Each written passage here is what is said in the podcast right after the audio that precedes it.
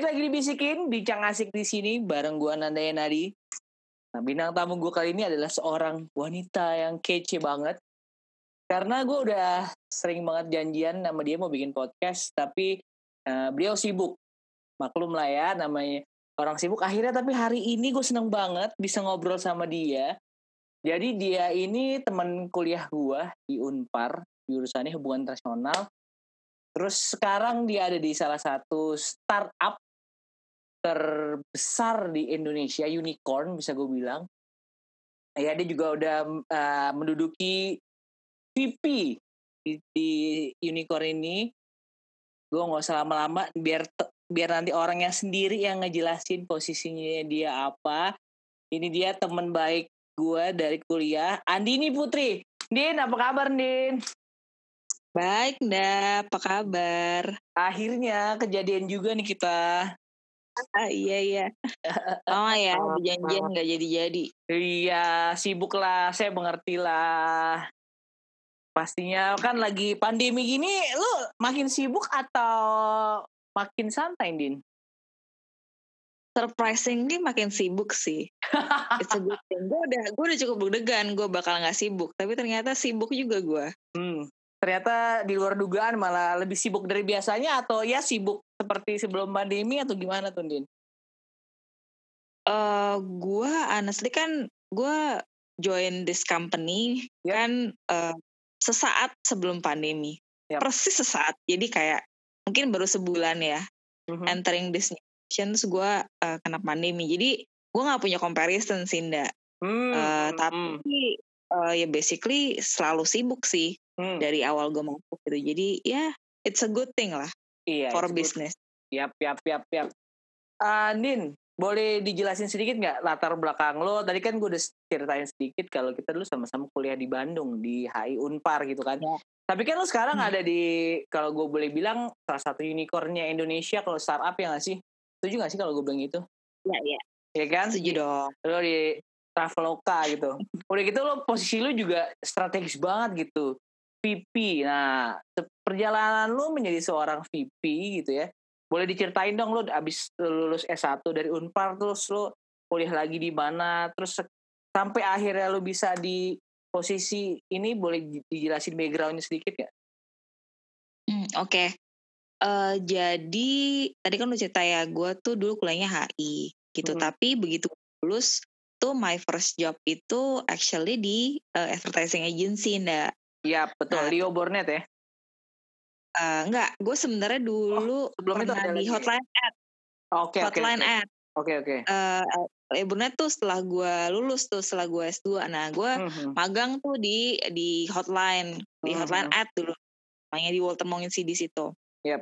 Nah, uh, gue magang situ, terus ternyata gue suka sih dunia advertising. Walaupun saat itu jadi uh, account eksekutif kan ya kerjanya disuruh-suruh klien ya, Bo, hmm. gitu. Hmm. Terus paham, tapi paham. Uh, gue uh, lumayan enjoy lah gitu. Hmm. Terus gue ambil S2. Hmm. Karena gue gak tahu apa ya, gue gue tuh ngerasa gue gak tahu apa tentang advertising, gak punya baseline tentang marketing gitu ya, ya. hmm. ya karena gue kuliah HI gitu. Hmm. Uh, terus gue ambil S2 gitu. Uh, gue uh, ambil advertising marketing dulu hmm. sempat di Leeds di UK. Hmm. Nah terus dari itu tuh uh, dimulailah perjalanan marketing gue gitu. Gue uh, lulus dari uh, UK, terus gue pertama gue jadi Labornet, hmm. yang tadi itu gitu. Uh, di Labornet gue sempat setahun setengah ya. Kebetulan tuh di situ gue dapet klien yang cukup unik gitu ya. Hmm. Uh, kebetulan uh, mereka itu zaman ini uh, udah 2008 ya. Hmm. Uh, zaman mereka udah mulai ngelirik tuh digital. Oke. Okay. Gitu ya. Zaman dulu kan orang maksudnya zaman dulu tuh nggak banyak kan company yang punya bandwidth untuk eh uh, digital kita mau ngapain ya gitu. Iya. Yeah. nah, itu uh, gue uh, lucky enough untuk dapat uh, klien ini gitu kan. Hmm. Emang ya nggak boleh disebutin kliennya, Din? Boleh kali ya. Oh, oh boleh dong. Uh, Sampurna Sampurna. Oh Sampurna, oke oke oke. Iya, gitu kan. Nah terus ya uh, eh, gue apa bantuin mereka bikin campaign digital lah gitu ya. Jadi build digital channelnya mereka. Terus dia gitu kombinasi combine dengan um, mereka kan soalnya industrinya cukup susah ya ndak ya. Betul betul. Jadi uh, very restricted gitu. Jadi yeah. mereka pengen develop uh, their digital channel sama sebenarnya what they call tuh direct channel. Jadi digital itu buat mereka tuh direct channel. Jadi one hmm. to one. Hmm. Jadi uh, dari company direct to consumer gitu. Yep. Nah dari situ gue lumayan banyak belajar tentang digital sih, terutama fundamentalnya kayak bikin website gitu ya. Hmm terus bikin database di balik kayak website gitu yeah. kan terus gimana gunain database itu gitu kan nah itu hmm. jadi gue pertama kali praktis bener-bener kuliah gue tuh digital tuh di situ gitu mantap nah terus terus uh, ya terus udah gitu gue ditarik ke Sampurna hmm. basically oh gara-gara ya tadinya klien akhirnya jadi pindah ditarik ya nah, gitu jadi makanya er, good relationship itu penting banget. Jadi Betul. ini salah satu tips pertama nih. Hmm, uh, hmm. Lu jaga good relationship sama orang tuh di dunia pekerjaan tuh penting banget sih. Hmm. Uh, kan nanti gue ceritain ya, maksudnya gue hmm. uh, sebenarnya tuh gue dapet different jobs itu mungkin yang gue apply itu mungkin cuman satu kali ya gitu karena okay. yang lainnya tuh semuanya dari network gitu. Hmm, hmm, hmm. Oke, terus gue ke Sampurna, gue ngurusin digital lagi. Nih bakal panjang nih. Nggak Gak apa-apa. Banyak juga nih. Singkat-singkat ya? aja, singkat-singkat. Jadi orang tuh orang tuh eh, yang denger biar tahu perjalanan karir lo bisa sampai di tempat lo yang sekarang tuh seperti apa sih gitu bahwa gue mau kasih tahu bahwa uh, perjalanan karir biar biar jadi uh, di tempat lu yang sekarang tuh memang ya berliku-liku gitu nggak lo langsung di satu tempat gitu terus lo ya, uh, kaki gitu terus udah gue jadi sekarang kan nggak kayak gitu gitu loh. Nah, lanjutin lanjut lanjut. Iya ya, terus uh, udah gue di Sampurna, uh, ya basically uh, expertise gue yang, mereka uh, mereka pikir gue do good job lah, terus kayak gitu. Di Sampurna juga itulah uh, mengurusin gue mostly digital gitu. Yap, yap gue di Sampurna cukup uh, cukup lama lah tiga tahun dari situ gue uh, coba hal baru sih gue hmm. ke telco ke Excel yep. Yep. di Excel itu gue uh, apa coba di mobile advertising jadi hmm. mereka baru build their mobile advertising hmm. division hmm. gitu ya jadi gue join ke sana hmm. tapi terus uh, di extend jadi strategic marketing jadi gue uh, combine di situ gue uh, mulai belajar uh, brand ya tentang brand. Karena yep. gue juga di situ uh, pegang brand. Jadi nggak cuma digital aja. Nah dari Excel gue sempat ke Heineken sebentar. Yep. uh, nah dari Heineken terus gue ke Facebook. Wah, jadi Facebook nih. Uh, ini Facebook gue mau agak nanya nih kenapa gue mau nanya? Uh, soalnya Facebook itu buat anak-anak sekarang gitu ya. Ya nggak buat anak sekarang lah. Pokoknya anak-anak yang sekarang lagi cari kerja kan kayak Facebook tuh kayak place to go banget gitu. Nah, lu sedangkan lu udah pernah di Facebook terus udah mental lagi gitu. Nah, boleh boleh diceritain nggak pengalaman lu di Facebook itu apakah kayak nggak tahu kan banyak orang yang bilang gitu kalau rumput tetangga lebih hijau gitu kan. Apakah memang ya. seperti itu ataukah memang no Facebook emang menurut lu adalah salah satu tempat yang uh, oke okay banget buat lo pengembangan karir, ilmunya banyak dapat atau kayak gimana sih, Din?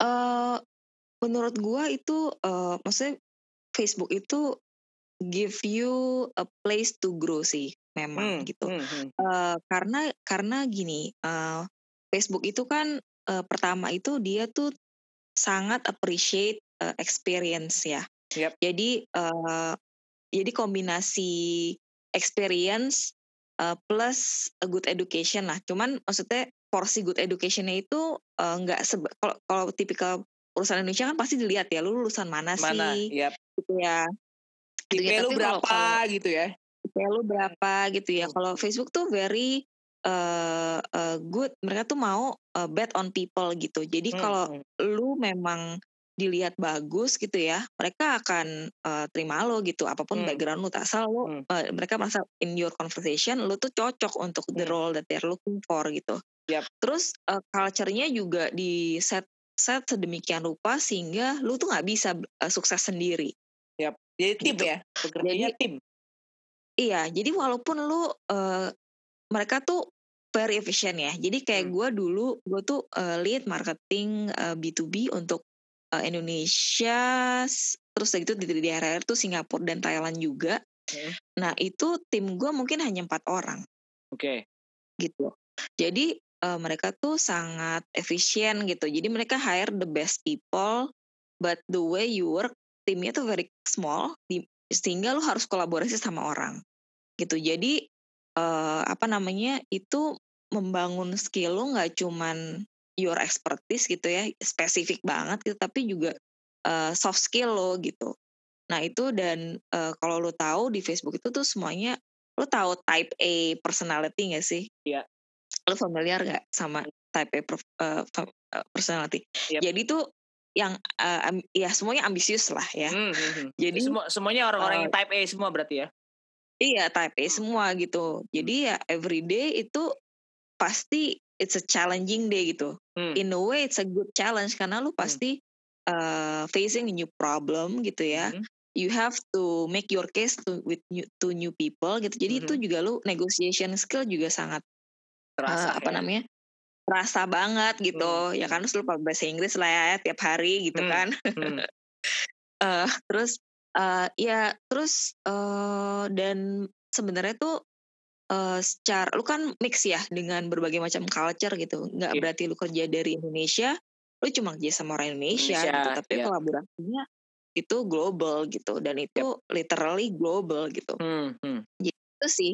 Jadi uh, dan maksudnya kalau misalkan uh, gue bisa bilangnya dalam tiga tahun itu skill gue grow banyak banget di Facebook gitu. Wow. Ya nggak gitu sih jadi hmm. uh, ya memang sih it's a, mereka cara mereka set up perusahaannya tuh memang challenge challenge you to grow gitu jadi uh, inilah wajar banyak yang memang tertarik untuk uh, masuk Facebook, Facebook gitu. hmm, hmm, hmm.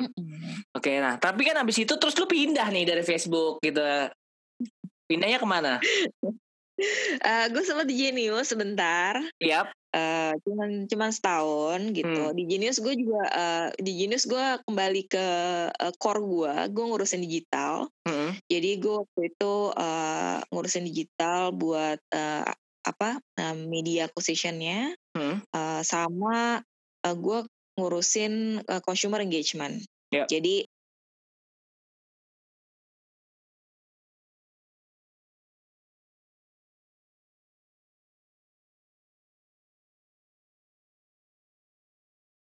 uh, apa namanya jadi both lah gue uh, kan kalau kalau kita ngomongin acquisition kan lebih ke upper funnel ya kalau kita ngomong marketing yeah. lebih akuisisi dari luar yeah. nah kalau di engagement gue belajar gimana cara uh, mengengage customer supaya lebih pakai Genius gitu hmm, hmm, hmm. nah itu cukup menarik juga sih uh, hmm. karena the first digital bank kan di Indonesia itu juga banyak salah satu sekali. alasan ya. kenapa gue loncat ke sana hmm, gitu. Hmm, alasannya itu bukan yang lain-lain. Iya. Maksudnya apa kayak memang iya. secara package package-nya lebih baik atau apa? Enggak.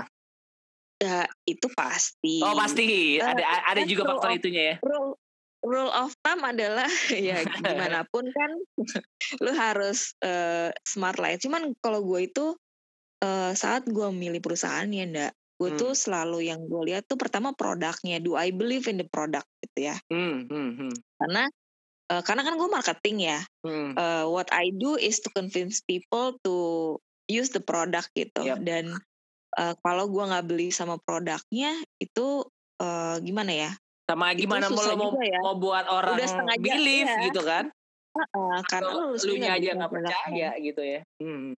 Iya dan makanya itu gue selalu pilih uh, itu selalu nomor satu gitu. Hmm. Uh, do I believe in the product dan saat itu uh, eh, gue ngelihat itu Genius was the first uh, digital bank di Indonesia dan mereka sangat inovatif hmm. dan itu yang memang gue cari sih waktu itu hmm, gitu. Hmm, hmm. Waktu itu ya. Tapi kan ternyata lu bilang tadi lu cuma setahun kurang lebih ya.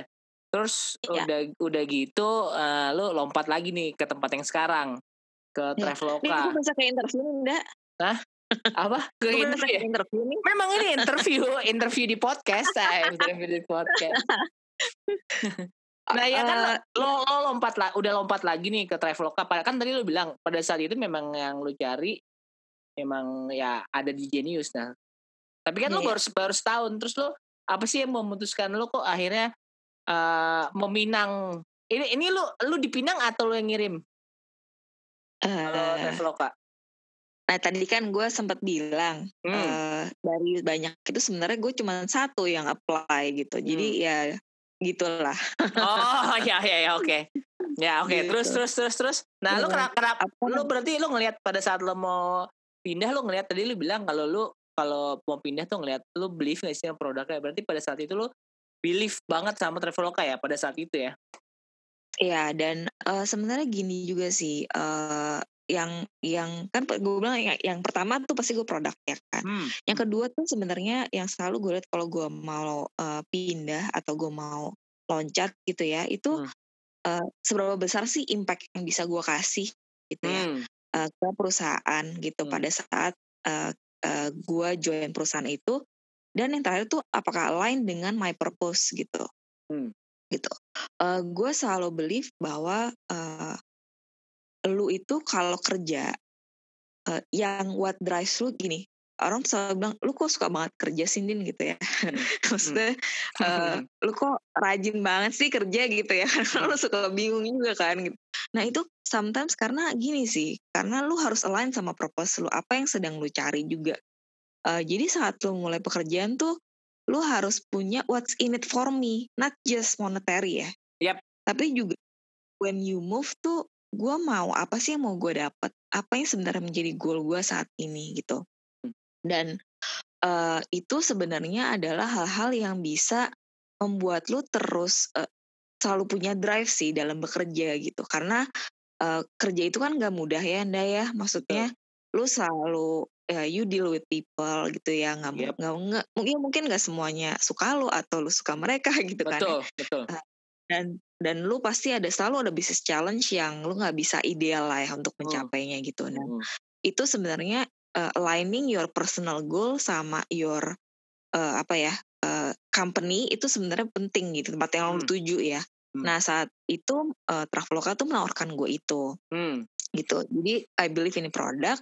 Terus dia menawarkan gue platform yang menurut gue it's bigger dari yang apa gue uh, saat itu punya di Genius gitu. Hmm. Gue handle bigger team, gue hmm. handle bigger market gitu hmm. ya, dan gue handle multiple product gitu. Jadi uh, itu dan saat itu uh, gue berada dalam stage yang gue tuh sebenarnya uh, mau grow people gitu. Jadi uh, gue ingin punya uh, andil dalam uh, building new breed of marketer lah gitu Ush, ya sangat dengan maksud gue dengan maksudnya gini dengan uh, gue punya bigger team gue punya chance itu sih yep. jadi uh, growing team tuh buat gue sekarang tuh lebih ke fokus gue gitu karena hmm. uh, ya mungkin kan ada saatnya ya kalau lu kerja itu ada yang lu gue lu adalah personal glory ya basically lu kayak yep. mau oh pokoknya gue kelihatan gue bisa hmm. deliver gitu tapi hmm. ini kayak gue sekarang at a stage bahwa kayak gue tuh pengen groom people gitu jadi hmm. what satisfying me tuh sebenarnya when my team is succeeding gitu hmm. jadi kalau gitu sih jadi kalau gue boleh gitu simpulin sih. sedikit jadi kayak eh sekarang tujuan lu nih kalau dulu kan mungkin di Facebook itu uh, lu pengen belajar, lu pengen dapet nyerap semua ilmu yang bisa lu serap gitu ya. Terus lu akhirnya lu, lu ingin tumbuh lagi, ingin tumbuh lagi lu akhirnya pindah ke Genius.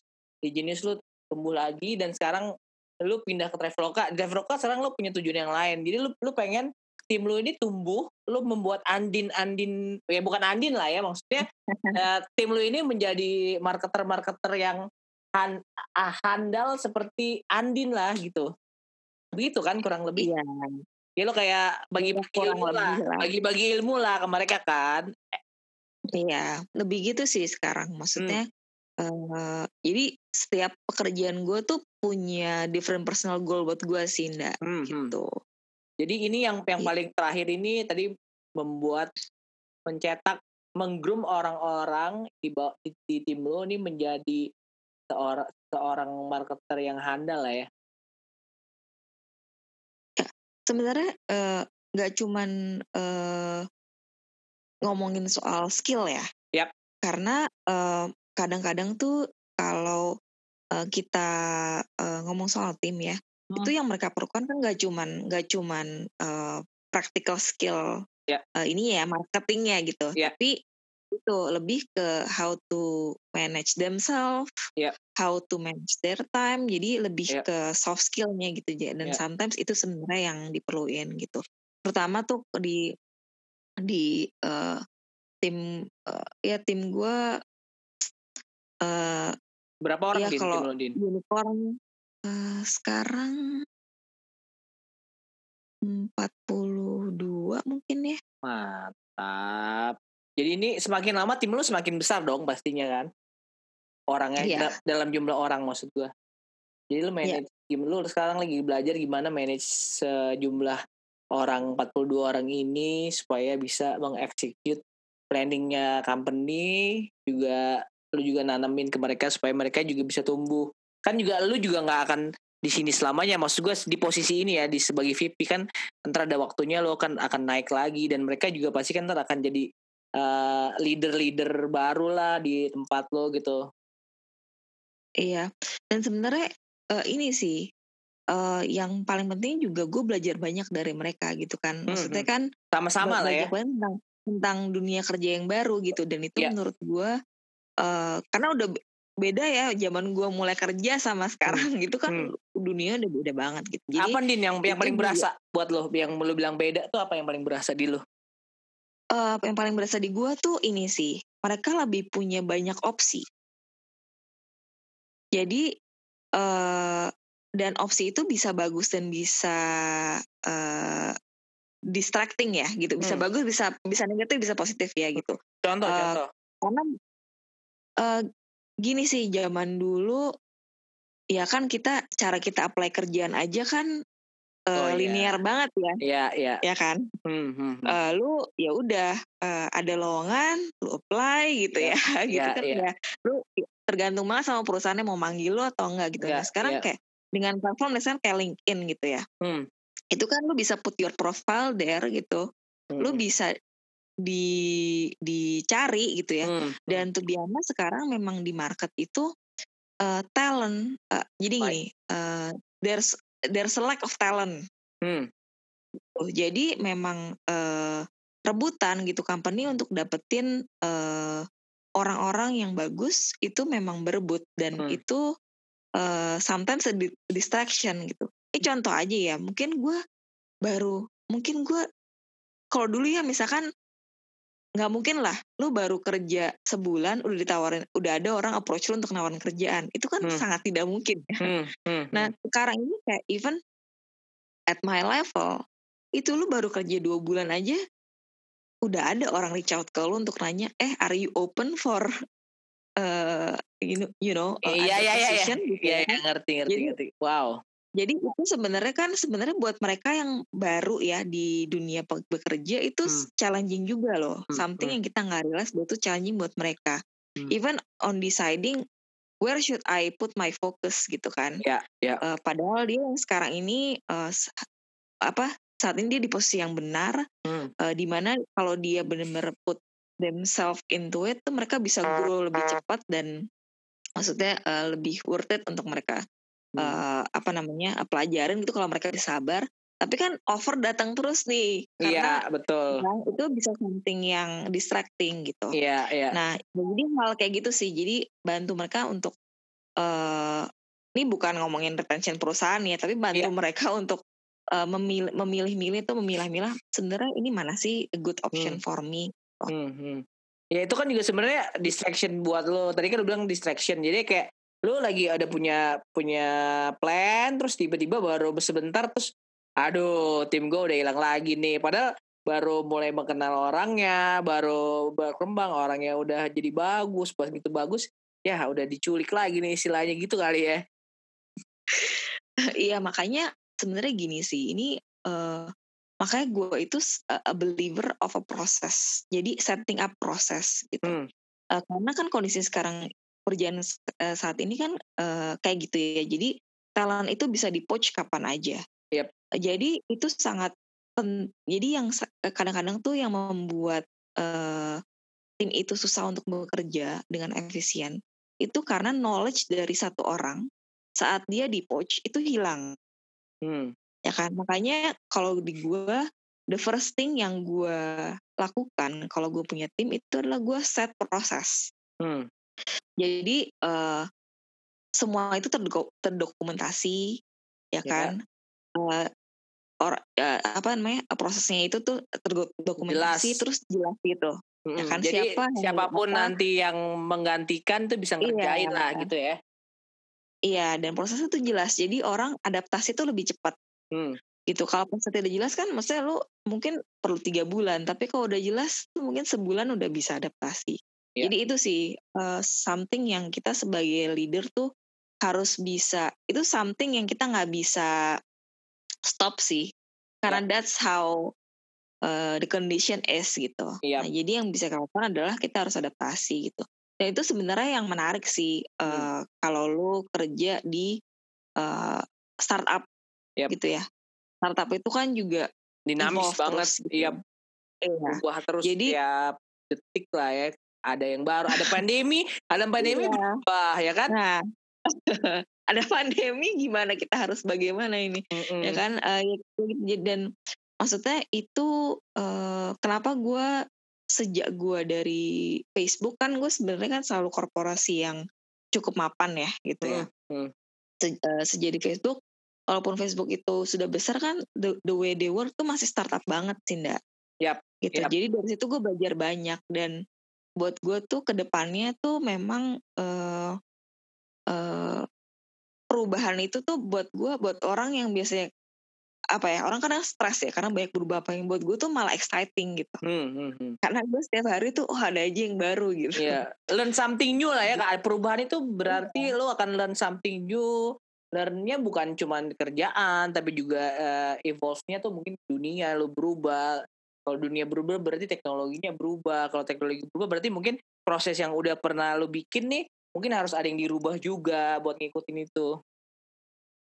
Iya, itu mungkin uh, apa ya uh, sesuatu juga yang kita harus belajar kali ya. Mungkin angkatan kita kan ya sekarang udah cukup senior ya. kalau lo workplace, gak gak gak. Iya kan? Ya kalau di workplace ya kalau di workplace ya.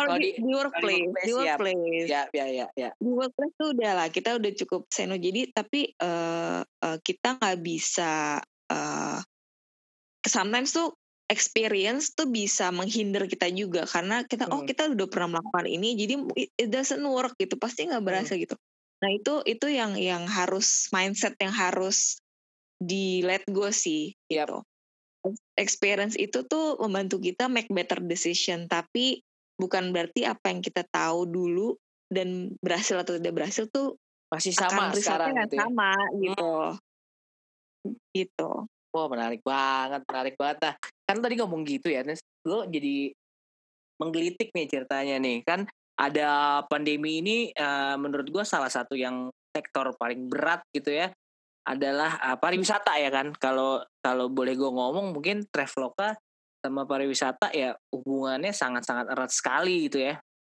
Ya. Nah, terus tapi uh, menurut lo sendiri nih dengan dengan dengan keadaan yang seperti ini uh, kalau boleh lu berpendapat gitu kira-kira keadaan yang seperti ini akan bakal jadi normal lagi nggak sih atau emang emang normal lagi tuh maksud gue misalnya ngomong uh, bisnis wise ya maksud gue ya bisnis wise apakah emang bisa nyampe lagi di angka yang uh, udah pernah tercapai ataukah mungkin uh, mungkin bisa tercapai cuman waktunya berapa lama atau gimana tuh Din? Wah ini pertanyaan yang nggak bisa gue jawab nih. Oh nggak bisa jawab ya? Ya udah jangan dijawab deh kalau gitu kita kita ganti aja deh pertanyaannya. Cuman, cuman gini sih, mungkin ini lebih ini lebih ke perspektif bisnis secara umum ya. Hmm, hmm. Gini, ini gue gue tanya kalau hmm. lu lu orang yang sama nggak sebelum dan sesudah pandemi? Enggak dong pastinya. Nah itu aja jawabannya. Oke. Okay. Gitu. Jadi uh, bisnis itu kan selalu mengikuti konsumen ya gitu yep. terutama uh, apa apa apa yang berubah gitu dari hmm. dari mereka apa kebutuhan mereka jadi basically kan ya apalagi uh, kalau kita ngomongin uh, teknologi company kan itu uh, yang all technology company believe itu hmm. adalah we use technology to solve to help, our yep. consumer problems yep, yep, betul. gitu hmm. jadi uh, itu sih yang selama kalau menurut gue selama uh, we are sticking to our core gitu ya hmm. sebagai teknologi company hmm. uh, menurut gue sih uh, ya tetap akan terus bisa ngikutin konsumen sih gitu hmm. uh, jadi dengan harus sama-sama berubah sama uh, sama konsumen kayak lo gitu kan hmm. Din kalau lu hmm. sendiri lu lebih suka menyebut diri lu tuh apa sih bukan ngomongin title ya tapi kalau lu tuh marketer atau apa lu merasa apa diri ya? tuh apa tuh kalau harus mendefine diri gue sendiri harusnya sih um, ya marketer ya gue udah nggak ya? bisa lari lagi nih dari marketing nih udah se hmm. udah berapa tahun 12 tahun gue ngerjain marketing hmm. Digital apa gitu. apa pokoknya lo nggak hanya digital lah ya pokoknya ya udah pokoknya semua yang berhubungan sama marketing ya lo paham lah ya luar dalam lah bisa dibilang mau channelnya apa pun mau platformnya apa pun lo paham banget lah ya luar dalam bisa dibilang gitu kali ya ya um, mungkin kalau gue bisa bilang apa ya, um, gue sih um, selalu Kak, nih ya, ini maksudnya kalau gue lihat balik, balik lagi dari perjalanan karir gue tuh, gue sih kalau bilang tuh gue lebih kayak builder sih, ya hmm. innovator dan builder gitu. Karena hmm. di banyak di banyak uh, di banyak hal itu, gue kebetulan nggak tahu kenapa nih Nda ya, gue hmm. selalu kebetulan tuh uh, dapat role hmm itu yang harus solve problem. Uh, new problem mm. gitu ya mm-hmm. gitu kayak contohnya waktu gue di Sampurna ya itu gue join uh, timnya itu ya timnya tuh start dari dua orang mm. gitu yang waktu itu ngomongin digital semua orang masih bingung gitu yep. buat apa sih digital gitu sekarang udah gitu puluhan kan. kali ya orangnya ya?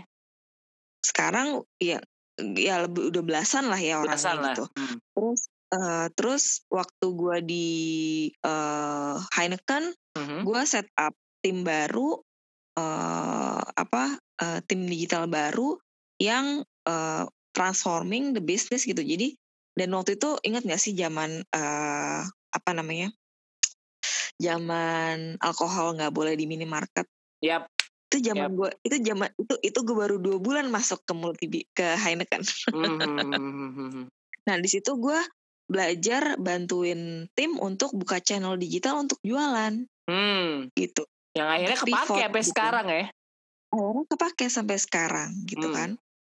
Jadi uh, kayak gitu. Nah sekarang di Traveloka juga gitu kan. Ini pandemi nggak tahu gitu orang tuh nggak pernah ngalamin sebelumnya kan. Mm -hmm. Jadi di sini kayak set up new process gitu, yeah. new ways of thinking untuk bisa survive the, the pandemic situation gitu sih. Mm -hmm. Nah, berarti kalau setiap lu pindah, lu melakukan perubahan, lu uh, dalam waktu dekat akan pindah lagi gak sih? Jangan-jangan ntar ada lu baru pindah ada lagi yang akan kejadian apa Enggak gitu dong. Enggak ya? Enggak dong dah. Enggak ya. Eh, Din, gue penasaran kan lu dulu S2-nya kan tapi uh, marketing ya? Ya. Itu ilmu lu yang udah pernah lu pelajarin waktu S2 sekarang sama dengan keadaan sekarang itu udah berubah banget atau sebenarnya masih ada beberapa hal yang masih bisa lu pakai sih? Masih masih apply Masih relevan nggak? Masih, masih relevan ya berarti ya? Masih relevan. Masih relevan. Jadi sebenarnya fundamentalnya tuh sama. Sama. Nah, hmm. yang berevo yang berevolusi itu sebenarnya kalau kita lihat uh, di marketing ya. Jadi fundamental core uh, ilmunya tuh sama. Yang hmm. berubah tuh ya konsumennya hmm. sama channelnya. Hmm. Itu paling yang fundamental tuh sebenarnya channel sih. Ya. Gitu. Kalau ya dari dulu semuanya offline gitu ya, hmm. sekarang jadi online. ya mungkin semuanya online gitu. Tapi fundamental uh, cara kita melihat uh, mengidentifikasi consumer behavior gitu ya. Hmm. Apa yang saat eh, kalau kita mau bikin go to marketing strategi itu fundamentalnya apa, yang kita hmm. harus siapa itu masih sama. Hmm. Gitu. Jadi kalau gue bilang nih dalam beberapa bulan ke depan bakalan ada terobosan-terobosan baru dong ya nih dari Traveloka nih. Harus dong. Oh keren, dinanti deh kalau gitu dinanti dinanti. Ini kalian salah satunya kayaknya dengan adanya lu lu sekarang lagi di Bali nih dengan lu lagi di Bali nih juga pasti kan lu lu lagi kerja kan sekarang kan habis itu kan lagi melakukan suatu mau melakukan campaign atau program nih kayaknya di Bali nih ya Enggak, oh, kan gue emang rumahnya di Bali, ndak. Iya, tapi kan Ini aja. biasanya nggak sesering itu ibu ke Bali. Ah, ah enggak kan sekarang jadi gini, uh, salah satu ini ini salah satu ya, ini salah satu yang uh, gue juga sangat appreciate dengan uh, Traveloka adalah hmm. ya ini kan kita semua masih belum jelas ya kondisi saat ini yang terjadi. Hmm. Hmm. Jadi basic itu sekarang memang kita dianjurkan untuk work from home. Oke. Okay. Itu. Jadi uh, ya basically lu bisa kerja di mana aja asal uh, you safeguard your safety lah ya gitu. Yep, yep. Jadi uh, dan uh, selama lu masih produktif hmm. dan gue ngerasa dengan diberikan kebebasan itu uh, tim gue juga semakin jadi produktif sih karena kayak sekarang kan keluarga gue sebenarnya di Bali ya ndak yeah, yeah. gitu jadi buat gue lebih nyaman memang uh, untuk tinggal uh, saya untuk kerja dari Bali gitu ya gue deket sama keluarga gue hmm. jadi uh, itu sih gue appreciate juga uh, uh, company itu ya nggak maksain semuanya harus masuk walaupun ya banyak beberapa sudah mengajurkan masuk kan ya ada hmm, company hmm. cuman hmm. memang fokusnya karena safety and health gitu ya uh, ya dan menurut gue itu juga menunjukkan trust ke uh, karyawannya sih yeah. ya kan bayangin kita udah nggak kerja di kantor dari bulan Maret ya yeah itu udah hampir sekarang udah hampir 8 mau 8 bulan ya. Iya, tapi 7 ya 8 bulan gitu. Tapi tetap aman-aman aja kan maksudnya aman-aman dalam arti si company kan tetap jalan-jalan aja kan nggak ada masalah kan? Iya, gitu. Hmm. Jadi itu gue appreciate juga sih. Kalau Traveloka sendiri gitu, emang anjuran WFH ini sampai kapan, Din? Uh, sebenarnya anjuran WFH kita selalu lihat situasi ya, Nda ya. Hmm. Uh, tapi secara umum sih uh, sampai Desember uh, selama ken, uh, apa selama kondisi belum normal hmm. uh, kita akan uh, dianjurkan untuk bekerja di rumah sih. Hmm. Jadi kalau gitu, gitu. lu lebih banyak meeting-meeting dan apa pun itu banyak kan online ya. Offline udah sama sekali nggak ada ya kalau meeting sama tim. Sama sekali nggak ada. Hmm. Sama sekali nggak ada. Ya, Jadi ya, ya. semuanya ya. udah full online. Hmm dan itu wah ini sebenarnya topik topik yang lain ter kita bahas mental health dong. Boleh boleh tapi tapi nanti lah ya. Nanti itu. Uh -uh. Mental health mental health seru sih, mental health seru sih. Karena di di di, di masa pandemi gini ya banyak sih yang emang pasti mental healthnya juga bukan mas bukan keganggu lah ya, tapi emang pasti kena juga tuh si mental healthnya nggak mungkin enggak gitu. Gak cuman nggak cuma kita doang lah banyak loh orang di luar sana kan iya karena sebenarnya ini salah satu maksudnya gini ini salah satu journey gue yang menurut gue penting sampai gue bisa di posisi sekarang itu adalah uh, juga part itu mental health journey gue sih hmm, hmm. gitu uh, itu berperan besar dalam uh, apa ya sekarang tuh terutama di posisi yang sekarang ini gue bisa functioning dengan uh, apa ya dengan baik dan maksudnya um, apa ya gue punya banyak perspektif baru tentang cara kerja tuh harusnya gimana itu karena gue I've been through a, lot of mental health journey sih selama karir gue gitu. Hmm. dan itu topik yang menarik sih ndak nanti kali yep. kita ngobrolin itu ya boleh boleh nah, kan tadi lu bilang lo lo lebih lebih bisa lo mau melihat ada satu cara bekerja yang tadinya seperti apa jadi seperti apa nih sekarang nih setelah setelah lu tadi melewati journey mental health lo itu? Jadi kayak gimana sih emang? Uh, yang yang paling yang yang paling banyak perubahan mm-hmm. itu adalah uh, sebenarnya tentang setting boundaries oke. okay. gitu ya. Kayak apa tuh? Uh, dulu tuh gua dulu tuh gue pokoknya kerja on terus tuh ndak twenty four seven. Jadi email masuk langsung gue balas. Balas. Hmm. Oh iya, uh, pokoknya jam berapa aja email masuk langsung gue bales. Uh, message gue langsung gue bales gitu. Hmm. Dan uh, itu at that time gue pikir I'm being very efficient. Hmm. Karena gue merasa oh gue bisa, gue nggak mau menjadi backlog orang, bottleneck orang. Hmm. Gitu. Gue harus nih, pokoknya semua gue turn around cepet gitu. Hmm. Dan yang gue nggak gue sadarin, uh, jadi gue nggak punya boundaries boundaries antara personal life sama work. Hmm. Dan akhirnya gue put a lot of jadi dan itu membuat gue semakin pressure untuk sukses di work hmm. karena gue merasa my personal life is work oke okay. my work reflect reflects my personal, personal life life gitu hmm. Hmm, hmm, hmm. gitu padahal itu itu enggak gitu itu ini salah satu contohnya ya hmm. nah uh, setelah gue banyak belajar dan melalui berproses gitu ya. Hmm. nah gue menemukan bahwa sebenarnya setting boundaries tuh membuat lo lebih efisien dalam kerja. Ternyata gitu, gitu. ya?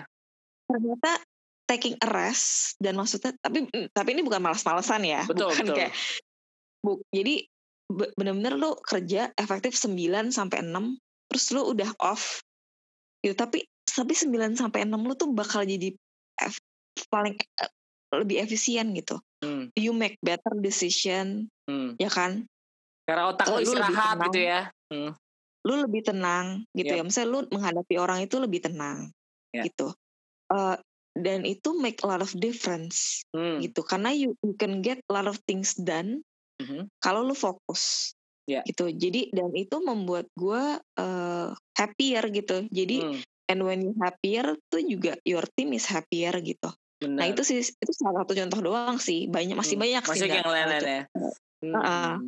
tapi at least kalau gitu. leadernya happy pasti timnya happy sih memang memang memang bener sih dari dari pengalaman pengalaman gue juga kalau uh, bos kita kagak happy pasti anak buahnya yang ada manyun juga aduh nih bos marah-marah mulu pasti kan ke bawah kan aduh aduh banyak pasti banyak banyak ngeluhnya jadi timnya gitu kan iya iya iya ya. Kalau tim lu sendiri sekarang uh, banyak kan kalau lu ya sebagai lu sebagai leader lu hmm. pengen gue pengen tahu preference aja sih lu lebih prefer banyakan cewek dibanding cowok atau banyakan cowok dibanding cewek? Atau kalau buat lo gue nggak penting gender atau apa pun itu tapi uh, eh, gue pilih yang emang qualify aja kan? Tapi kadang-kadang kan uh, nggak tahu lu notice apa enggak banyak tuh. Biasanya biar ini gue ngomong biasanya ya kalau kalau bosnya cewek lebih prefer uh, cowok apa gimana gitu hmm, gue nggak ada preference sih hmm. uh, gue sebenarnya lebih uh, style of working aja kalau hmm. gue ya hmm, hmm, hmm. karena uh, sebenarnya kalau kerja itu uh, ini gue selalu bilang sama sama tim gue gitu hmm. uh, kalau kalau work relationship itu nggak nggak berhasil, lu nggak kerja secara efektif dalam tim, itu bukan berarti uh, lu tuh nggak smart atau lu nggak bisa mengerjakannya gitu ya. Yep. Cuman sometimes tuh memang chemistry kerja tuh chemistry gitu. Yeah. How you complement each other hmm. gitu. Jadi kalau gue sih lebih lihat skill setnya sih. Hmm. Apa yang lagi tim gue butuhin. Hmm. Jadi nggak nggak nggak matters lo uh, perempuan atau laki-laki. Hmm. Uh, itu yang penting mix of skill setnya yang harus pas. Hmm. Karena nggak bisa lu punya misalkan lu tim uh, sukanya yang ngeliatin data aja, ya kan ya. nggak ya. ada yang kreatif hmm. gitu ya. Iya iya. Terus nggak ada yang semuanya kreatif aja. Hmm. Tapi kalau ditanya data dia nggak bisa lihat uh, fundamental lu bikin kreatif A tuh kenapa gitu kenapa, what is ya? the baseline of the, the data what is the data gitu hmm. nah itu nggak bisa jadi itu salah satu contohnya ya jadi nggak bisa kayak gitu gitu hmm. nah kebetulan sih tim gue cukup balance ya kayaknya hmm. hampir fifty fifty sih kok hmm. ceweknya ya enak gitu. lah berarti kan balance kan tapi itu kebetulan aja sih karena ya hmm. memang yang gue cari lebih kayak mix of skill set yang diperluin gitu. Hmm. Hmm. Kalau menurut lo ya, kalau buat bisa, kan lo kan udah pernah di telco, di rokok gitu ya, di banking, sekarang lo di uh, industrinya travel gitu ya. Menurut lo kalau buat orang gitu ya bisa uh, sukses lah di startup itu, menurut lo nih yang paling penting itu apa sih? Uh, tepat waktu, skillnya, attitude, atau apa kalau menurut lo? Kalau menurut gue yang paling gue rasain itu kalau hmm. lu mau kerja di startup itu adalah curiosity. Hmm. Lu harus pengen tahu sebenarnya how hmm. things hmm. work. Hmm. Why this? Jadi karena lu penasaran terus ya, pengen tahu ini tuh kenapa sih? Why is this like this? Hmm. Kenapa konsumen gue kemarin beli sekarang nggak beli? Hmm. Terus kenapa uh, apa ya uh, what is the science behind this technology itu gimana sih how it works gitu hmm, hmm. ya terus jadi itu sih curiosity itu menurut gue sesuatu yang membuat lu tuh uh, kalau dikasih tugas hmm. Lu nggak cuman lihat oh oke okay, ini yang harus gue lakuin A gitu tapi lihat kenapa harus A ya hmm. Kayaknya ada cara lebih baik deh untuk melakukan A ini supaya A-nya keluarnya jadi A plus gitu. Hmm gitu okay. dan itu tuh uh, karena kan uh, apa ya kalau lu di startup kan sebenarnya fuelnya adalah innovation kan ya yeah. karena lu curious terus lu akan uh, lu akan terus bringing something new gitu. Hmm, hmm, hmm, jadi hmm. itu sih uh, menurut gua curiosity itu menurut gua tuh paling paling penting ya? paling penting. Nah uh, pertanyaan gue selanjutnya mengenai menyambung dari pernyataan lo soal curiosity ini yang membantu lo ada gak sih? Kan lo bilang curiosity ada gak sih yang membantu lo biar tetap curious?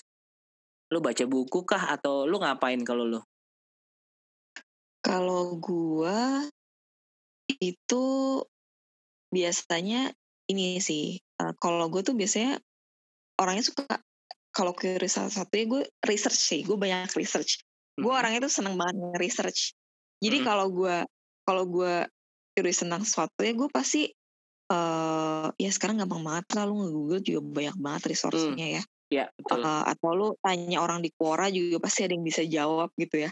Hmm. Nah, jadi gue suka kalau gue sih orangnya emang suka research sih hmm. gitu. Karena gue tetap believer bahwa knowledge is power. Yap, setuju. Gitu. Jadi uh, lu nggak uh, bisa karena lu misalkan lu udah bilang oh tim gue udah gede gitu hmm. lu nggak bisa nggak uh, tahu the details gitu hmm. lu tetap perlu uh, deep dive into into what is what is the detail sih hmm. ini bisa nggak sih di, di dikulik-kulik lagi gitu jadi hmm. itu itu buat gue sih ini sih tapi gue biasanya ya research sih gue banyak kan hmm. baca sih baca, ya? baca ya whether whether it's uh, an online artikel gitu hmm. atau gue discuss sama orang hmm.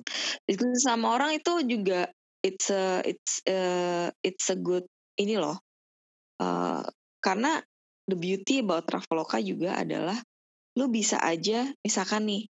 Lu pengen tahu tentang data lu bisa aja uh, apa namanya kontak orangnya and then lu tanya mereka akan jawab gitu hmm. jadi ngobrol Dan lu juga jadi langsung iya. aja gitu ya nggak? Gue hmm. pengen tahu nih tentang ini gitu.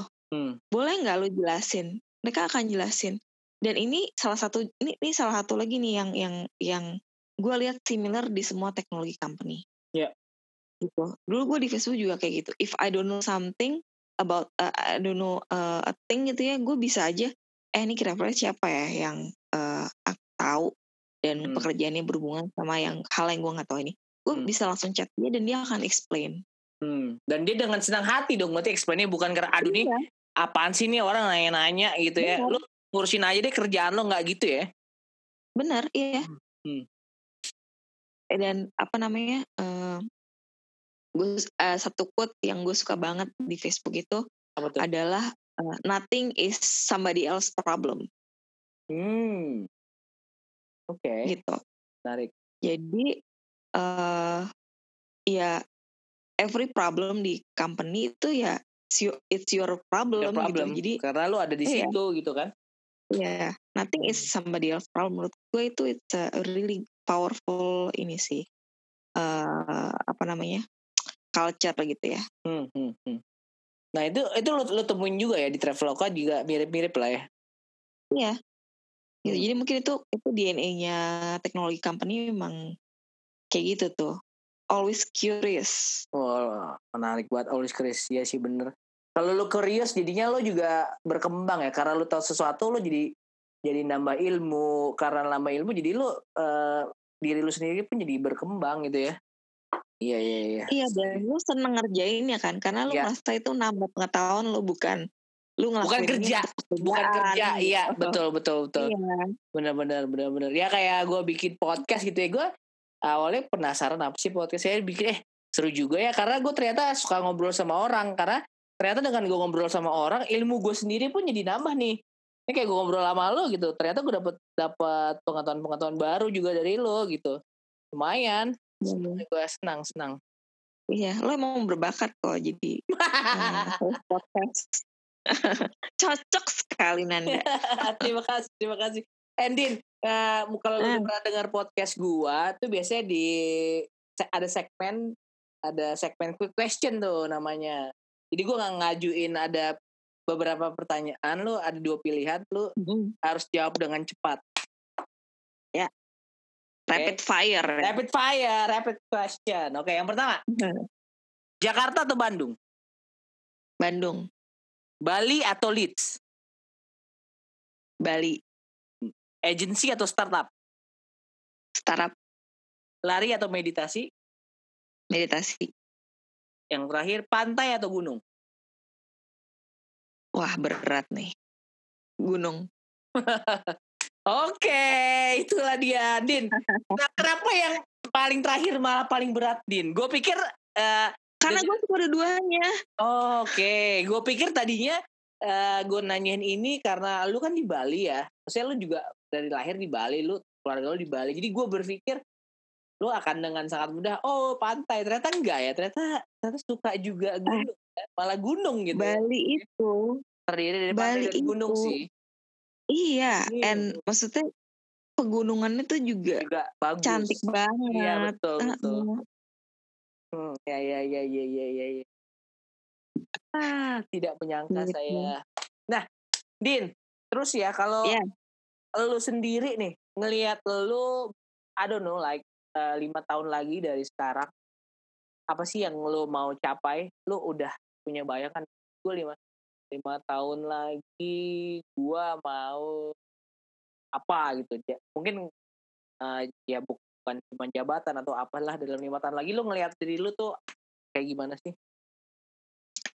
lima tahun lagi uh, gue akan ada di Bali di hmm. kampung uh, ngurusin bisnis gue sendiri hmm. uh, gue sih uh, yang belum tahu apa hmm. tapi something about mindfulness lah oke okay. oke okay, something about yap yap yap bentuknya mungkin bisa jadi startup tuh ya kayaknya ya bisa karena kan background lo kan uh, banyak di startup dong jadi lo udah ngerti tuh end to end prosesnya gitu kan jadi why not bikin startup soal mindfulness Iya iya iya. Udah, udah ada belum sih? So, oh belum. Uh, apa ya? Head Headspace mungkin. Hmm. Dia meditation app gitu. Itu hmm. itu cukup menarik. Tapi uh, gini sih kalau gue sekarang kayak lebih uh, gimana sih mindfulness itu bisa diterapkan dalam hal-hal yang lebih praktikal gitu. Kan hmm. banyak uh, banyak orang itu thinking bahwa oh kalau being mindful tuh ya udah lu selalu tenang, lu cuma hmm. bisa bisa jauh ke meditasi, gak ada hmm. hubungannya sama your daily life gitu ya. Hmm. hmm, hmm. Kalau lu udah mindfulness tuh dulu harus ada awake, udah awakening atau semua. Tapi sebenarnya mindfulness itu tuh ada level-levelnya dan bisa lu terapin di semua kehidupan lo gitu. Hmm. Ya, ya, gimana ya, ya. lu being mindfulness uh, dalam misalkan uh, membesarkan anak, hmm. dalam uh, bekerja yeah. gitu ya even dalam berkomunikasi gitu hmm. itu itu banyak banget sebenarnya layernya jadi hmm. uh, itu sih gimana gue pengennya tuh membridging mindfulness tuh lebih ke practical level gimana sih supaya orang belajar satu dua hal tapi bisa merubah uh, hidupnya mereka gitu loh hmm. hmm, hmm. Wow. Sama aja kayak tadi gue cerita itu kan, saya gue hanya belajar satu hal misalkan hmm. dari dari mental health journey gue, tapi itu fundamental gitu perusahaan fundamental. perubahannya kan yang hmm. gue rasain. Jadi things kayak gitu sih yang yang gue tertarik banget untuk ini dan mungkin bisa lewat digital kan gue bisa stay di Bali tapi you can do it uh, ini kan secara digital sebenarnya. Betul, betul, betul, betul. Bener banget, bener banget.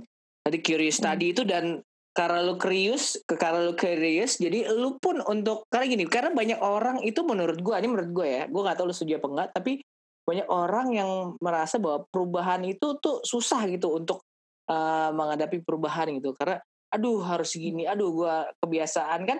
Berubah itu kan berarti lo kebiasaan yang tadinya seperti apa jadi jadi apa ya? Padahal Padahal sebenarnya kalau kalau mereka tahu pada saat uh, mereka mau menjalani perubahan itu bahwa ada apa ya mereka dapat sesuatu gitu dari perubahan itu. Bisa membuat diri mereka jadi lebih baik gitu. Kayak lo bilang tadi perubahan lo tadi cuma nanya sesimpel lo kerja dari jam 9 sampai jam 6 gitu. Lo hanya menjalankan yang semestinya. Mungkin tapi jam 9 sampai jam 6 ini kalau boleh gue bilang lo mungkin sampai jungkir balik kepala jadi kaki istilahnya gitu lah ya. Maksud maksudnya lo lo you give it you yeah. all gitu. Tapi ya udah setelah jam 6 lewat satu ya udah ini saatnya gue istirahat. Gue untuk masalah kerjaan gue tunggu besok lagi. Sekarang gue menikmati uh, istirahat gue lo melakukan hal-hal yang lo suka gitu kan jadi biar besok hmm. pada saat bekerja gue udah siap lagi buat tempur gitu istilahnya gitu ya Iya, iya. Nah, tapi kadang-kadang kan uh, kenapa berubah itu sulit? Eh, sulit. kan lu bilang tadi kan berubah itu iya. sulit gitu ya. sulit, ya. Terus kayak gitu, yang, yang yang lebih sulit lagi sebenarnya mengidentifikasi apa yang harus lu rubah. rubah. Hmm. Dan itu, dan itu dan, sebenarnya. Yep. Hmm. hmm. Itu sebenarnya apa? Ya, ya, ya, jadi makanya karena kalau misalkan lu mengidentifikasi hal yang salah, bisa nggak ada hasilnya juga ndak? Hmm. Oke. Okay. Gitu. Menarik nih, menarik. Kalau gitu berarti yang menurut lo yang paling baik untuk mengidentifikasi apa yang harus lo rubah itu siapa? Uh, bisa. Jadi gini, uh, sebenarnya paling paling efektif ya menurut gue adalah lu bicara sama orang hmm. yang nggak kenal sama lo. Hmm. Whether it's professional yep. atau ya friends of friends gitu ya. Yep. Orang yang bisa memberi perspektif yang objektif. Yap. Oke. Okay. Itu. Hmm. Itu Jadi, menurut gue step pertama yang cukup mudah sih mungkin ya. Hmm. Itu. Kalau lu punya masalah atau lu punya something, lu cerita sama orang yang nggak kenal lo, hmm. yang nggak punya subjektivitas terhadap hidup lo. Iya. Gitu. Nah itu mungkin uh, bisa menjadi satu hal yang first step lah gitu. Hmm. Ini kalau uh, itu uh, itu kalau misalnya lu yang eksternal ya. Yep. Kalau internal, kalau gue sih uh, ya itu ya making time of space buat diri lu sendiri untuk lu pikirin sebenarnya lu suka apa sih gitu. Hmm. Ajak ngomongnya diri lu sendiri sebenarnya hmm. lu happy gak sih sama hidup lo gitu. Hmm, hmm, hmm. Gitu ya. Dan itu saya nggak perlu itu sebenarnya nggak perlu lo harus meditasi untuk apa just being on yourself. Yang sekarang ini kan sebenarnya banyak orang punya banyak waktu untuk dirinya sendiri ya. Ya dengan adanya pandemi ini ya. Hmm. pandemi itu jadi itu benar take time.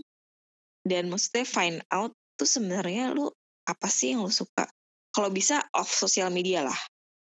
Hmm. gitu ya, untuk ya. Uh, cari tahu gitu. Karena itu sih kadang-kadang kita terlalu sibuk dengan hidup kita ya hmm. kita nggak sempet cari tahu kita sebenarnya hmm. suka apa gitu hmm, benar benar apa yang kita butuhin tuh kita nggak nggak sempet nggak sempet apa ya nggak sempet bertanya pada diri sendiri gitu hmm, hmm, hmm. itu sebenarnya simpel aja sih hal simpel kayak gitu sih ndak hmm. jadi kalau gue boleh bilang lu sekarang saat ini lebih happy dong daripada yang sebelum sebelumnya Uh, iya sih, lebih tenang aja. Hmm, bu ya benar, sorry Jadi, bukan lebih happy, lebih tenang iya. karena lu udah semakin tahu meng, uh, soal diri lu ya, apa yang lu mau, apa yang lu butuhkan, lu harus gimana. Iya, dan sebenarnya ketenangan itu membawa uh, happier gitu. Jadi hmm. sebenarnya sebenarnya kalau lu mau happy tuh yang harus dicari dulu adalah ketenangan gitu. Karena dengan ketenangan lu bisa maksudnya ketenangan tuh gini ya lu menerima bahwa oh memang lu sekarang harus di sini dan ini harus lu lakukan gitu. So you focus on this mm-hmm. gitu ya. Dan dengan lu lu tenang uh, dengan lu fokus lu lebih menerima kan. Maksudnya ya udah I'm where I'm need to be. Yep. dan dari itu kan lu jadi happy ya. Jadi maksudnya lu nggak selalu melihat ke orang lain ya yep. kan? orang lain begini lu orang lain apa namanya udah beli mobil baru lu masih mobil ini juga ya udah nggak apa-apa hmm. emang hmm. gue mobil ini ya dia udah bisa yep. beli silahkan gitu yep. jadi lu nggak merasa kurang terus gitu loh ya kurus tuh kurus gitu. kurang terus iya hmm. apalagi lu kalau di dunia korporasi kan maksudnya ya, lu, lu, lu selalu compare gitu orang wah dia di promosi ini gue belum padahal gue kan hmm. kerja lebih keras gitu merasanya wah, ya gitu kan. Hmm rasanya kan hmm, ya kan? betul. padahal pada praktiknya kan nggak tahu gitu. juga ya. Uh, uh, jadi ya lu fokus on yourself aja gitu dengan hmm. kayak gitu uh, otomatis sih happy-nya tuh kayak lebih efek bukan sesuatu yang lu cari. Ya. It's an after effect gitu. Ya jadi kayak jadi lu bukan menghilangkan hal-hal yang sebenarnya lu nggak harus pikirin kok gitu. Jadi lu ngurang-ngurangin beban kalau ngomongnya hard disk gitu storage di PC gitu kan lu ngurang-ngurangin yang bad sektornya lah biar iya. apa sih sebenarnya nggak penting lah mikirin gitu tiap orang kan ada timingnya masing-masing gitu kan iya kan orang selalu bilang in the pursuit of happiness you yep. always finding for kan selalu gini gue akan lebih happy kalau ya when ya kan ya, ya, kalau gue dapet ini ya hmm. kan when I'm uh, berapa umurnya when hmm. I'm married or apa gitu kan tapi hmm. sebenarnya kan nggak perlu kayak gitu gitu yep. jadi lu bisa happy sekarang aja dengan apa yang lu punya jadi kayak things simple simple kayak gitu sih ndak hmm. ya yeah, benar-benar setuju gue karena sebenarnya semuanya tuh ya yang bikin rumit kita sendiri kok gitu padahal sebenarnya simple aja gitu ya nggak usah rumit-rumit kalau emang belum ya belum kalau emang nanti udah saatnya ya udah saatnya gitu lah nah iya hmm. Ngomong-ngomong Nindin, ya yeah, ngomong-ngomong. Hmm. Yang akan lu lakuin pada saat si pandemi ini boleh dibilang udah eh, vaksinnya sudah ketemu lah. Jadi lu hmm. udah udah mau ngapain aja udah bisa. Nah, lo, yang pertama kali yang lu mau lakuin apa sih, Din? Tahu nggak sih? Apa ini tuh simple banget. Gue tuh pengen meluk teman-teman gue dan keluarga gue. benar benar benar benar benar jadi apa ya takut udah nggak takut lagi lo mau ketemu siapa mau meluk siapa mau ini siapa lo udah nggak ada kepikiran aduh takut takut gitu ya iya masalahnya tuh gue I'm a hugger ya maksudnya hmm. gue kalau ketemu orang tuh gue selalu gue suka banget meluk gitu loh maksud hmm. gue kayak my friends gitu hmm. my hmm. family gitu sekarang tuh aduh itu aja sih hmm. kayak simple things gue udah gak mikir semasa traveling lah apa-apa beneran ya ini kayak lu meluk orang aja tuh it's so scary gitu kan. Hmm, hmm, betul betul. Karena kita kita nggak tahu siapa siapa carriernya gitu. You. Yep, iya yep, nasib yep. tapi juga lu takut kan maksudnya yep. karena lu care sama orang lu nggak bisa peluk dia hmm, gitu kan. Hmm, benar. Gitu. Benar, itu sih benar, benar, simple benar. things.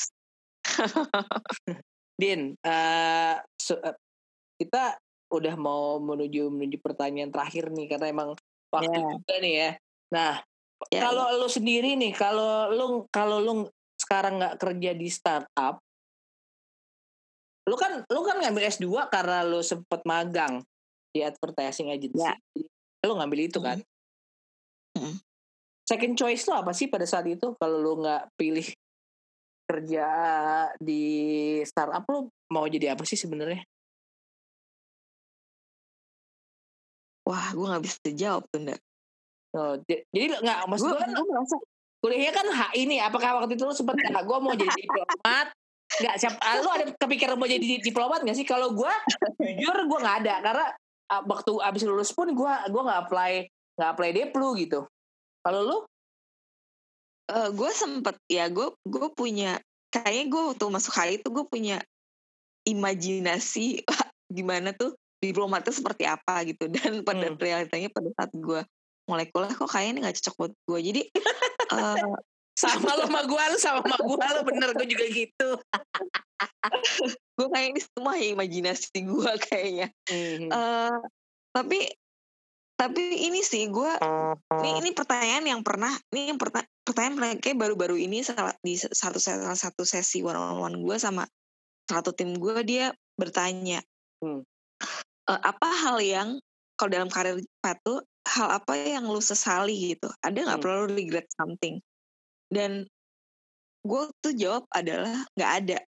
Hmm. there's nothing that I regret gitu. Hmm. jadi mungkin uh, gue nggak bisa bayangin gue di other karir path sih. Karena gue terus terang kayak ikutin aja apa yang ada di depan gue hmm. dan memutuskan berdasarkan apa yang di depan gue gitu. Hmm. Sometimes karena uh, ini tuh ini salah satu yang ini salah satu hal yang uh, banyak cewek terutama ya yeah. lakuin pada saat mereka menentukan karir. Hmm. Mereka tuh suka kepikir kepanjangan. Hmm. Dikasih offer nih kerjaan. Hmm. Terus bagus, salary bagus, pasti bagus. Terus dia mikir, duh tapi nanti kalau gue uh, nikah, gue gak punya waktu dong buat anak gue kalau gue hmm. terima itu. Hmm. Pacar aja belum punya gitu kan. Hmm. hmm, hmm iya, iya, iya, iya. Suka kejauhan gitu. Jadi jauh amat mikirnya. Uh, nanti aja lah gitu. Iya. Terima-terima aja dulu. Ntar juga ada jalannya iya, lah gitu ya tapi itu tapi itu perempuan kadang-kadang kayak gitu jadi terlalu hmm. banyak pertimbangan gitu yeah. nah itu uh, makanya gue bilang gue nggak tahu karir apa yang mungkin gue jadi yang lain karena gue selalu make a decision tuh based on itu gitu Iya. Yeah. ini ini kira-kira buat hidup gue saat ini oke okay nggak ya gitu oh oke okay. hmm. dan cocok nggak ya apa yang gue cari nggak ya gitu jadi gue nggak bisa memikirkan oh gue kalau nggak jadi ini jadi apa ya gitu hmm. mungkin gue oh mungkin kalau misalnya itu gue buka ini kali uh, apa namanya itu gue udah jadi guru guru meditasi gitu mungkin hmm. Hmm. ya kalau misalkan gue nggak marketer ya. Hmm. kan cocok tuh lo jadi guru guru meditasi terus gitu lo ada ilmu marketing jadi lo banyak yang meditasi sama lo gitu kan. Ya cocok ya. Langsung deh besok. pas tuh ya kan ya apa pun bisa lah ya kan. Di Bali hmm. apalagi banyak lah course-course gitu kan pasti iya itu tadi gue bilang itu uh, wah ide gue gue lempar ke ini ntar ada jangan yang dong jangan. duluan nih. Iya jangan. Jangan ntar ada yang ngambil loh jangan. Soalnya sekarang ya ide ide kan banyak ya cuman ya yang paling penting kan Eksekusi. uh, eksekusinya gitu ya. Dia dengar ide saat dieksekusi duluan ya. Tapi sebenarnya menurut gue uh, tetap yang mengeksekusinya juga pengaruh sih yang eksekusi yang lu lakukan sama yang orang misalnya nanti denger itu mungkin akan akan berbeda lah. Karena kan dia dia cuman cuman denger doang terus eksekusi hmm. gitu kan. Sama lu pasti beda lah. Amin amin. maksudnya gitu. Nah din terakhir din. Uh, ada pesan-pesan gak sih buat yang dengerin podcast gue din? Ya mungkin uh, apa mungkin supaya bisa sukses di startup atau mungkin gimana? Kalau mau masuk Traveloka apakah bisa kontak Ibu Andin? Apa gimana? Bisa. Gitu atau atau gimana gitu? Bisa. Kalau kontak uh, saya ada di LinkedIn kok. Tinggal tinggal drop tinggal drop CV gitu ya? Saya ada di LinkedIn kok. Tinggal drop aja. Uh, apa ya pesan-pesan uh, kayaknya uh, sepanjang podcast ini udah udah udah cukup banyak ya yang gue apa pro tips-tips ya yep. tapi uh, mungkin ini sih one piece of advice nih sebenarnya buat semua sih terutama yep. kalau misalkan lo uh, karir ya um, mm. lu harus percaya sama diri lu sendiri sih itu penting mm. jadi karena uh, pada akhirnya yang tahu what's best for you dan what you need itu adalah diri sendiri gitu jadi harus selalu percaya sama diri sendiri in making decision gitu dan uh, live with it with live with it gitu hmm. benar atau salah jalanin aja hmm. gitu Keren. karena kan kegagalan nggak selalu apa kegagalan kan nggak selam nggak selamanya kesuksesan juga nggak selamanya gitu Betul. jadi yang penting uh, ya udah percaya sama diri sendiri aja itu sih keren setuju gue setuju banget. Andin thank you banyak waktunya. Kita udah berapa kali janjian akhirnya kesampaian juga. Seneng banget gue udah bisa ngobrol-ngobrol sama lo udah bisa mengambil a piece of mind dari seorang Andin gitu ya seneng banget. Ya semoga lo di Bali juga. Sampai kapan Din di Bali Din Uh, belum tahu nih, gue beli tiket one way nih. Wow, mantap. mantap, mantap, mantap. Jadi biar biar nggak biar nggak ada patokan lah ya ntar kalau begitu udah mau balik ya balik lah ya. balik ya. Itu aja hmm. sekarang. Ya keren keren. Din, thank you banget. Semoga ya, sehat-sehat. Ya, ya. Salam juga buat keluarga hmm. di sana juga sehat-sehat. Nanti kita habis pandemi kita harus ketemu lagi bareng teman-teman yang lain juga biar bisa iya. ngobrol-ngobrol kayak biasa. Yes, Astungkara. Makasih Anda ya. Thank you, thank you Din. Ya, sampai ketemu lagi. Thank you, bye-bye.